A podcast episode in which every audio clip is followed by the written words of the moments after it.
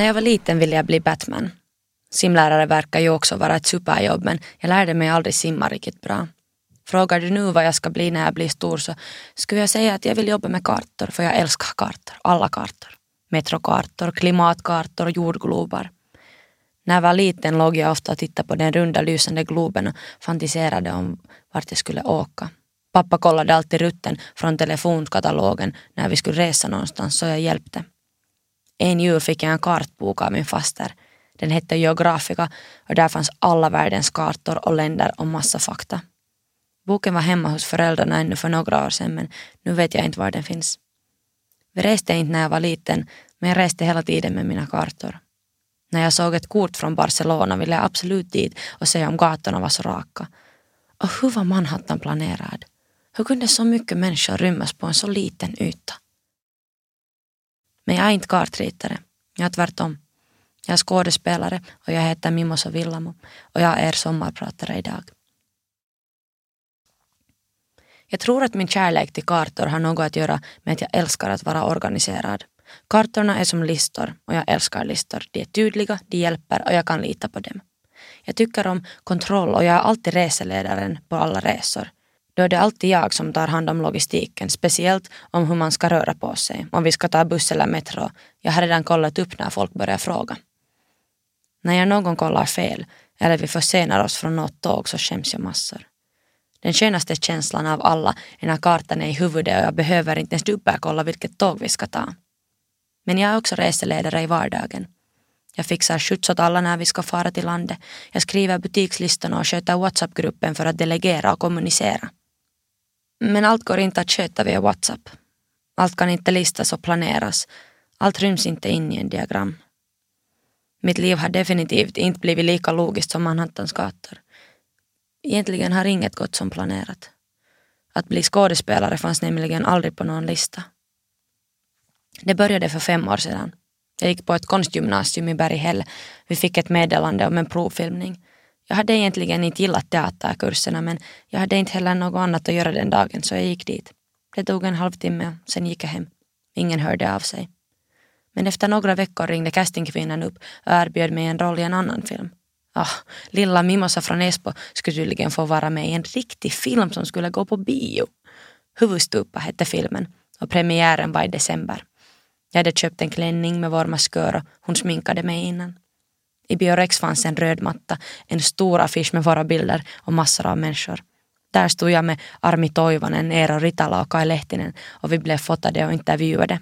Jag fick en egen balkong med Armi och vi drack skumpa när filmen började rulla. Hela min familj och farmor och farfar satt nere på parkettplats och såg mig på en stor skrin för första gången. Det var roligt. I februari har den finska filmen sin Oscargala. Jussi-gala heter den förstås och alla lite större finska filmer tävlar där om att få ta hem så många Jussi-statyetter som möjligt. I januari började nomineringen och mitt namn fanns på den listan. Mitt namn! Mimmosa Villamo som gjort sin första lilla roll i en film för att hon egentligen hade inget annat att göra den dagen, det var provfilmning. I februari fick jag gå upp på scenen i kabelfabriken och ta emot min statyett för bästa kvinnliga biroll 2014. Min stora bror var med mig som mina veck. Det kändes som en konstig dröm. När sändningen tog slut så kom alla och gratulerade.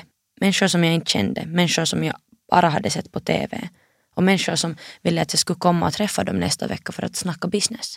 Fina ord av alla. Grattis, vad otroligt, du gjorde så fint. Du är en superstjärna, jag röstade på dig. Alltså de andra hade inte en chans mot dig.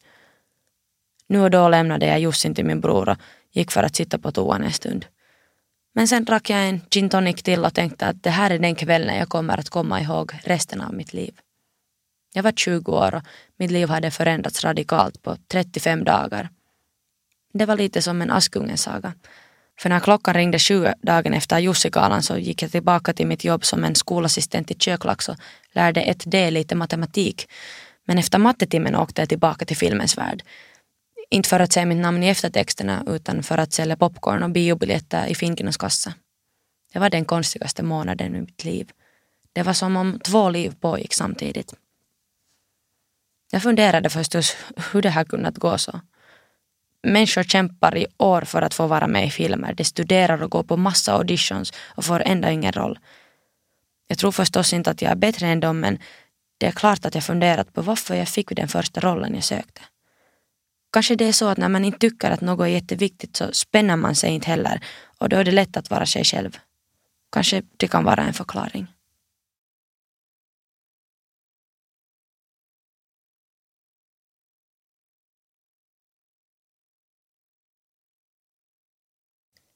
Efter den kvällen i februari har jag fått jobba på heltid med skådespeleri. Priset var en fantastisk ingång i filmbranschen och på fyra år har jag nu gjort fem långfilmer och några tv-serier. Men det som är större är att jag har fått lära mig ett nytt yrke. Jag har ju inte gått i någon skola så jag har fått hitta på egna övningar och tekniker för att utvecklas. Några kollegor har varit snälla och sagt att kanske det är en bra sak att jag inte är utbildad. Att jag därför naturligare, intuitivare, verkligen äkta. Jag överanalyserar inte, men jag är inte jättebra på att improvisera heller. Någon kanske tycker jag är lite barnslig. Skådespeleri är allvarligt, men det är faktiskt också mycket lek. Jag har lärt mig att gå på lina och tvärka. Jag har blonderat mitt hår. Jag har haft väldigt långt hår. Och jag har lärt mig att diska med långa vassa akrylnaglar i två månader. Jag har fått skita ner mig i blod och smuts. Jag har använt glasögon. Jag har haft stora fejksår i ansiktet och på kroppen. Jag har lärt mig att spela bas och prata rovaniemi-dialekt. Och det sjukaste av allt är att jag får lön för det. Jag visste förstås ingenting om filmbranschen när jag hamnade in i den. Jag hade ingen aning om att det behövs så otroligt många människor för att göra en film. Hur små saker har så stor effekt på resultatet. Hur viktigt det är att rekvisitören hittar just det rätta förklädet för min karaktär. Hur ljussättningen påverkar stämningen.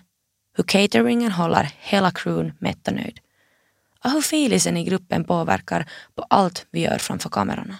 Det är ett konstigt jobb som inte blir kvar på inspelningsplatsen. Om dagen är bra är jag lycklig och trött. Efter kortare dagar har man kanske tid för afterworks med en del av crewn. Annars är det hem med något smått från catering, ligga på sängen med katten i en halvtimme utan att göra något, sen dusch, makeupen bort, kanske något att somna till från Netflix fast jag vet att man inte borde somna framför en ruta. Men om det har varit en usel dag så kommer jag argsint hem och ältar dagen, jag svär, om jag har skådespelat dåligt och jag vill absolut inte tala med någon. Och skulle jag vilja träffa någon så är det svårt. Jag har ju inte ett 9 till 5 jobb precis. Jag heter Mimmo Villamo och mitt sommarprat handlar om film och verkligheten.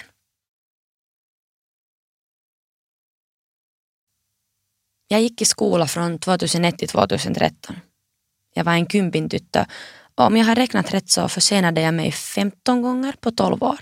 Och de gångerna var det inte jag som var försenad utan det var bussen och tågen. När jag gick i gymnasiet måste jag först ta bussen från Källstrand till Alberga och det tog 20 minuter beroende på vädret och trafiken. Sen väntade jag på tåg till Böle och på vintern var den så ofta försenad och där stod vi och frös bredvid spåren. I Böle hoppade jag in i en spårvagn för en dryg kvart för att komma smidigt till Berghäll. Om min skola börjar tio över åtta så måste jag starta 6.53 för att vara i tid. Om jag inte räknar nattinspelningar så kan jag inte ens minnas om jag stigit upp före sju de senaste åren. Eller före åtta eller före nio. Idag steg jag upp 12.37. Vad hände med Kumpintyttö? Kumpintyttö är trött. Trött efter sex veckor av inspelning. Trött för att jag inte träffat varken vänner eller familj under de här veckorna. Jag träffade släkten en gång på den tiden och det var på Fafas begravning. Jag har inte lagat en middag eller tvättat kläder på sex veckor. Det växer mögel i mitt smör och nudlarna är definitivt slut. Allt i mitt hem är on hold för att jag är så slut. Jag går från total och intensiv samhörighet under inspelningen till total ensamhet när det är över. Så här är mitt liv nu för tiden. Intensiva inspelningsperioder varvas med perioder av återhämtning på soffan och i sängen. Jag har ingen rytm. Ibland är jag ledig en onsdag och en torsdag mitt i veckan och då ser jag på Netflix till fyra. Sen sover jag tills katten vill ha mat. Jag saknar rytm i mitt liv. Jag har inte saker att fixa varje dag. Jag behöver inte ta hand om någon annan än mig själv och mata katten.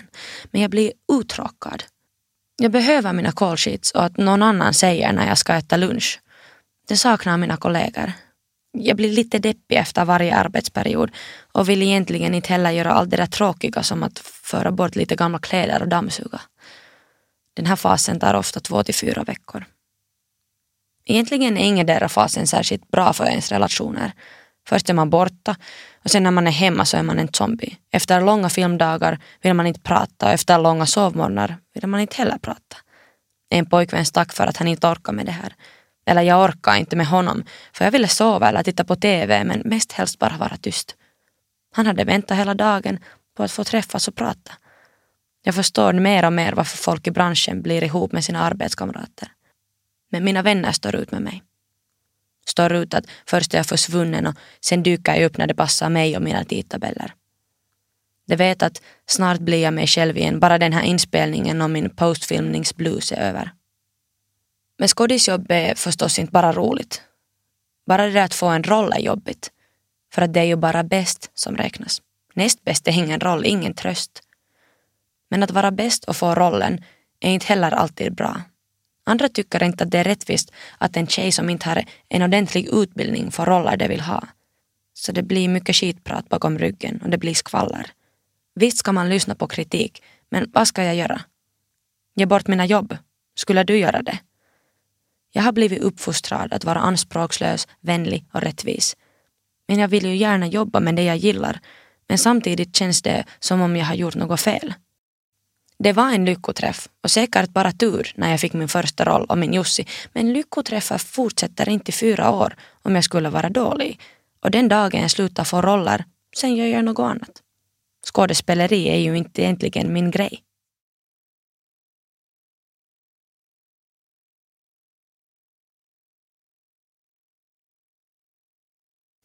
Teater var inte heller min grej som ung. Min grej var blockflöjt. Jag spelade blockflöjt i 13 år och det är bara fem personer som inte har skrattat när jag har berättat det. Jag har tagit lektioner och jag har spelat i grupp. I högstadiet hade vi ett blockflöjtsband och egentligen är det faktiskt blockflöjten som ledde mig in i filmvärlden. För på vårfesten på tvåan uppträdde jag ensam med att spela någon vårig sång på blockflöjten. Jag hade på mig en Marimekko-tunika som mamma hade sytt och jag längtade förstås till sommarlovet. Min klasskompis pappa satt i publiken och efteråt frågade han mig om jag ville prova att dubba film. Har man rytmsinne är man ofta bra på att dubba nämligen. Så jag åkte till studion och stod där med en grupp barn med stora svarta hörlurar på i en ring i ett mörkt studiorum. Vi såg min klasskompis pappa genom ett fönster. Han var i andra rummet och vi hörde honom via hörlurarna. Jag hörde hur min mage kurra och hur någon av de andra barnen krafsade sitt hår. Så bra var mikrofonerna där. Vi dubbade lite barnkör till Astrid Lindgrens Barnen i Bullerbyn.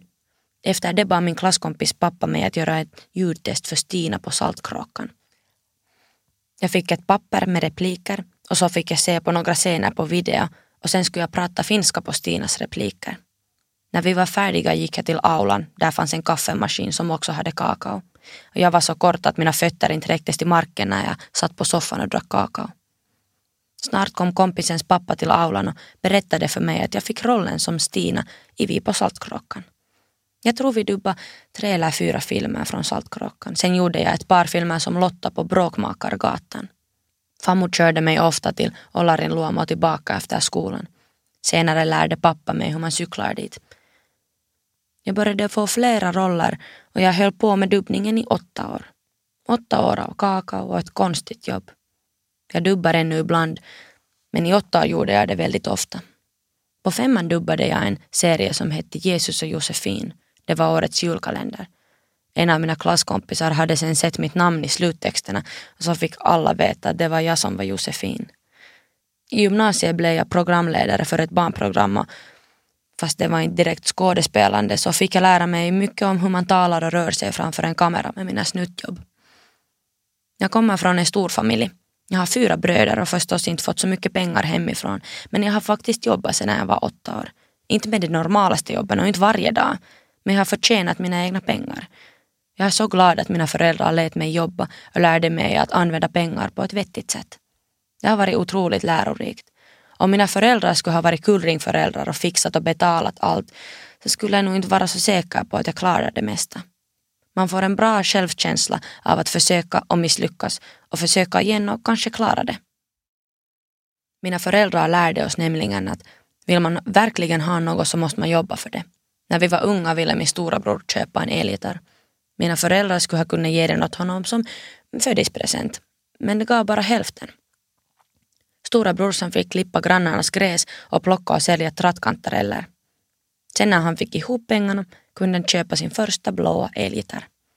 Jag är ungens mamma och vet inte på riktigt hur man uppfostrar barn men det ser ut som om ungarna nu för tiden tycks få nästan allt de vill ha.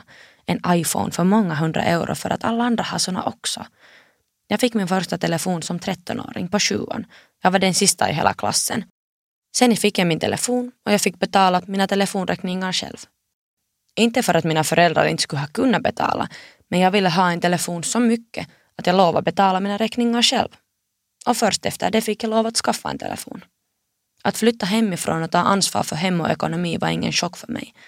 Det fick jag lära mig tidigt. Och för att komma tillbaka till det här med att jag inte har en skådespelarutbildning så hade jag nog mera arbetserfarenheter än de flesta andra 19-åringar när jag fick min första roll. Så inte behöver jag kanske ha dåligt samvete. Att vara ung i filmbranschen är inte alltid lätt. Att vara ung kvinna i filmbranschen har nog genom tiden alltid varit svårt. Jag är så tacksam över att jag började filma först för fyra år sedan, för mycket har ju ändrat de senaste åren. Den senaste hösten och vintern har det hänt mer än på hundra år. Jag talar om metoo och allt som metoo har startat. Skådespelare över hela världen har gått ut och berättat om hemska sexuella trakasserier som man inte berättat om för att den som har varit skyldig har haft makten att stoppa en roll eller kanske till och med hela ens karriär om man skulle ha vågat anmäla. Det som irriterar mig otroligt är att vissa typer pratar om metoo som om det skulle vara en konflikt mellan män och kvinnor. Men det är verkligen inte en konflikt utan det handlar om makt och beroende och att de som har makt utnyttjar dem som är beroende. Jag har haft tur på mina fyra år i businessen. Jag har inte varit utsatt för något sånt på jobbet. Men efteråt, på galor och festivaler och jatkon, där har det varit annat. Mamma och pappa frågar ofta om det. De är oroliga. Men de glömmer kanske att jag har tränat självförsvar med fyra bröder i 20 år och att jag är ganska bra på att säga ifrån. Men man ska inte behöva ha fyra brorsor för att kunna jobba i branschen. Man har rätt att vara trygg på alla jobb.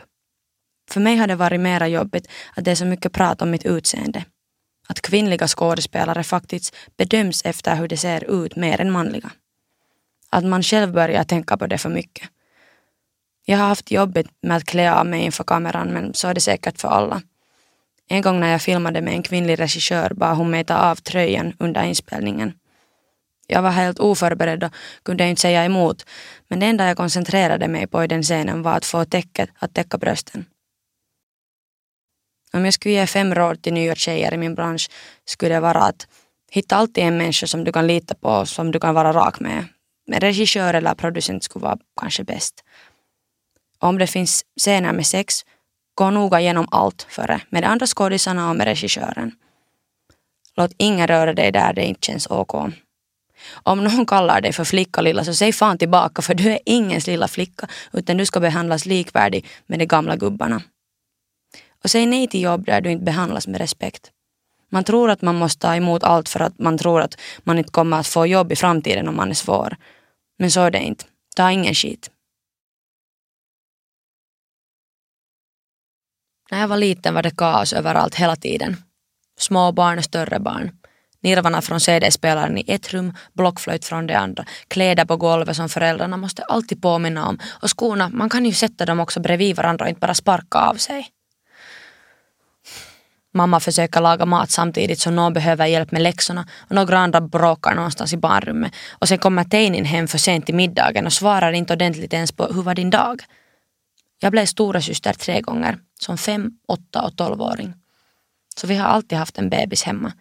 En bebis och helt sjukt mycket ljud och spring och hopp hela tiden. En tid fanns det alltid en arg tonåring. Fem barn, det, det är mycket. Och vi har inte varit lätta, inte alls. Någon behöver hela tiden något. Om man ville få uppmärksamhet så måste man ha högsta rösten av alla. Dessutom åt vi gröt hela tiden, varje morgon. Varje morgon om jag inte spolade ner den. Jag hatar gröt. Jag äter inte ännu heller fast det är snabbt, billigt och hälsosamt. Och vi hade en vässa, en. med ett sånt lås att man skulle svänga handtaget uppåt om man ville låsa den.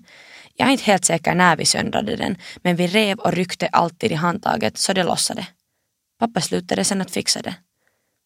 Efter det skaffade vi en krok som på utevässar, Men den fick man ju loss med ett lite större drag. Dessutom var vi aldrig ensamma på vässan. Mamma tvättade tänderna och sminkade sig oberoende om jag måste kissa före jag far till skolan. Så jag fick välja att åka tidigare till skolan för att kissa ensam eller att kissa med öppna dörrar. Vi var heller aldrig ensamma med våra föräldrar. Det var först när jag tog körkort som 18-åring som jag fick tumistid med pappa och det var nog härligt. Vårt hem är tvåspråkigt. Jag känner mig mera finsk än finlandssvensk för pappa var inte en typisk finlandssvensk för han hade långt hår och vi hade ingen bil. Så vi har lärt oss att använda buss och cykla ganska tidigt. Jag har fått faffas och pappas gamla cykel. Den är så snabb och fin och den heter Marcello. Vi fixade den i körskick på påsken med pappa. Nu kan jag ens cykla till hösten. Eller det var nog pappa som fixade den. Jag målade min hylla samtidigt. Jag är den enda flickan i vår familj. Nu och då frågar någon mig om jag har varit familjens prinsessa. I princip ja, men i så fall har alla mina bröder också varit prinsar. Jag har alltid tyckt att våra föräldrar kunnat ge lika mycket åt alla. Lika mycket uppmärksamhet, tid, kärlek.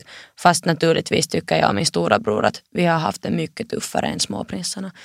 Men så tycker storasyskonen väl alltid.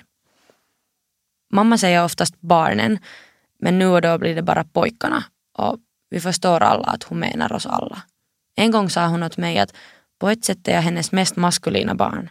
Naturligtvis också den femininaste. Men jag har inte fått någon speciellt uppfostran för att jag har varit den enda flickan. Om jag har velat vara med och bygga och måla och fixa så har jag gått med. Och jag fick spela fotboll på gården med storebror och kompisarna.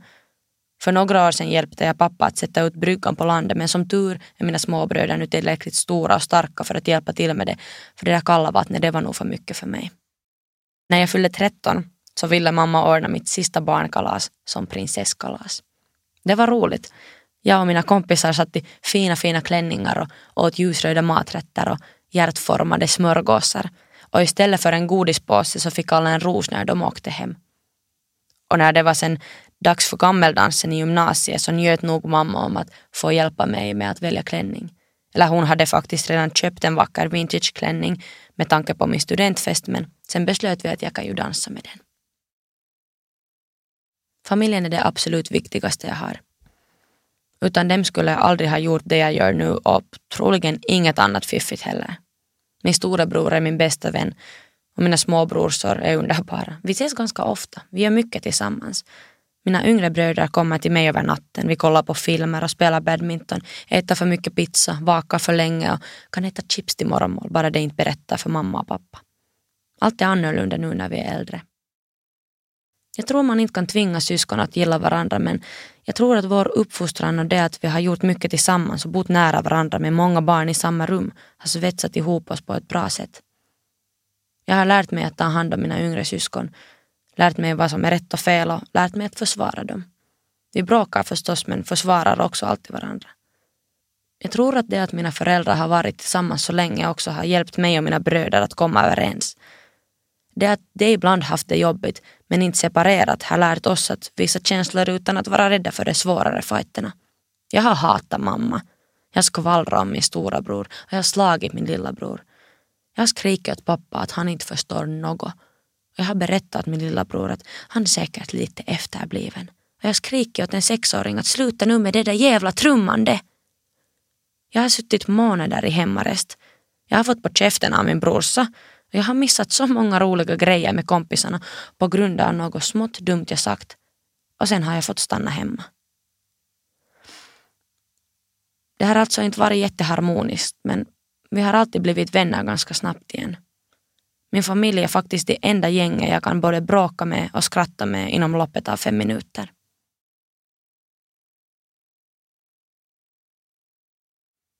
Förra sommaren hade mina föräldrar varit gifta i 25 år. Då for vi utomlands för första gången med hela gänget.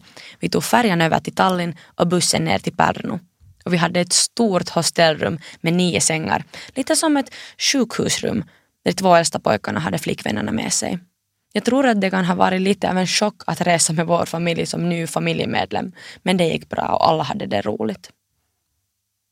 Jag tycker det är otroligt att mina föräldrar har varit gifta så länge, med alla irriterande barn. Det började sällskapa när mamma var 19 och pappa var 21. Jag kan inte tänka mig att jag skulle vara ihop och få barn med killen jag sällskapade med när jag var 19. Mina föräldrar har något konstigt lim. Kanske det kallas kärlek eller sen väntar de bara att alla ungarna skulle flytta bort och de kunde börja leva sitt liv igen. Jag vet inte. De är nog mina förebilder. Precis som min känsliga mamma som mår bra av trygga pappa så tror jag att jag skulle behöva en stabil person nära mig. Fast det har varit så kaotiskt ofta har det också varit tryggt. Vi har litat på våra föräldrar och de har litat på oss. Det som idag ger mig styrka och säkerhet är att jag är alltid välkommen hem. Alltså hem-hem. När som helst. Utan att meddela stiger jag in och lämnar min katt att skötas. Jag går ofta och sover i deras säng när jag kommer hem. Jag kan gnälla om mitt jobb, mitt liv, mina saker och de lyssnar. Det är till dem jag ringer om det har varit svårt eller om jag har något otroligt att berätta. Som att jag ska skriva min första längre text någonsin på svenska och att den ska sändas i radio och att programmet heter Sommarprat och att jag måste avsluta det med att säga att jag heter Mimosa Villamo och att jag har pratat om storfamilj, skådespeleri, kartor och kontroll. När jag var liten ville jag bli Batman. Det skulle jag faktiskt ännu också vilja bli. Men viktigare än att bli något är att ha en flock och en familj.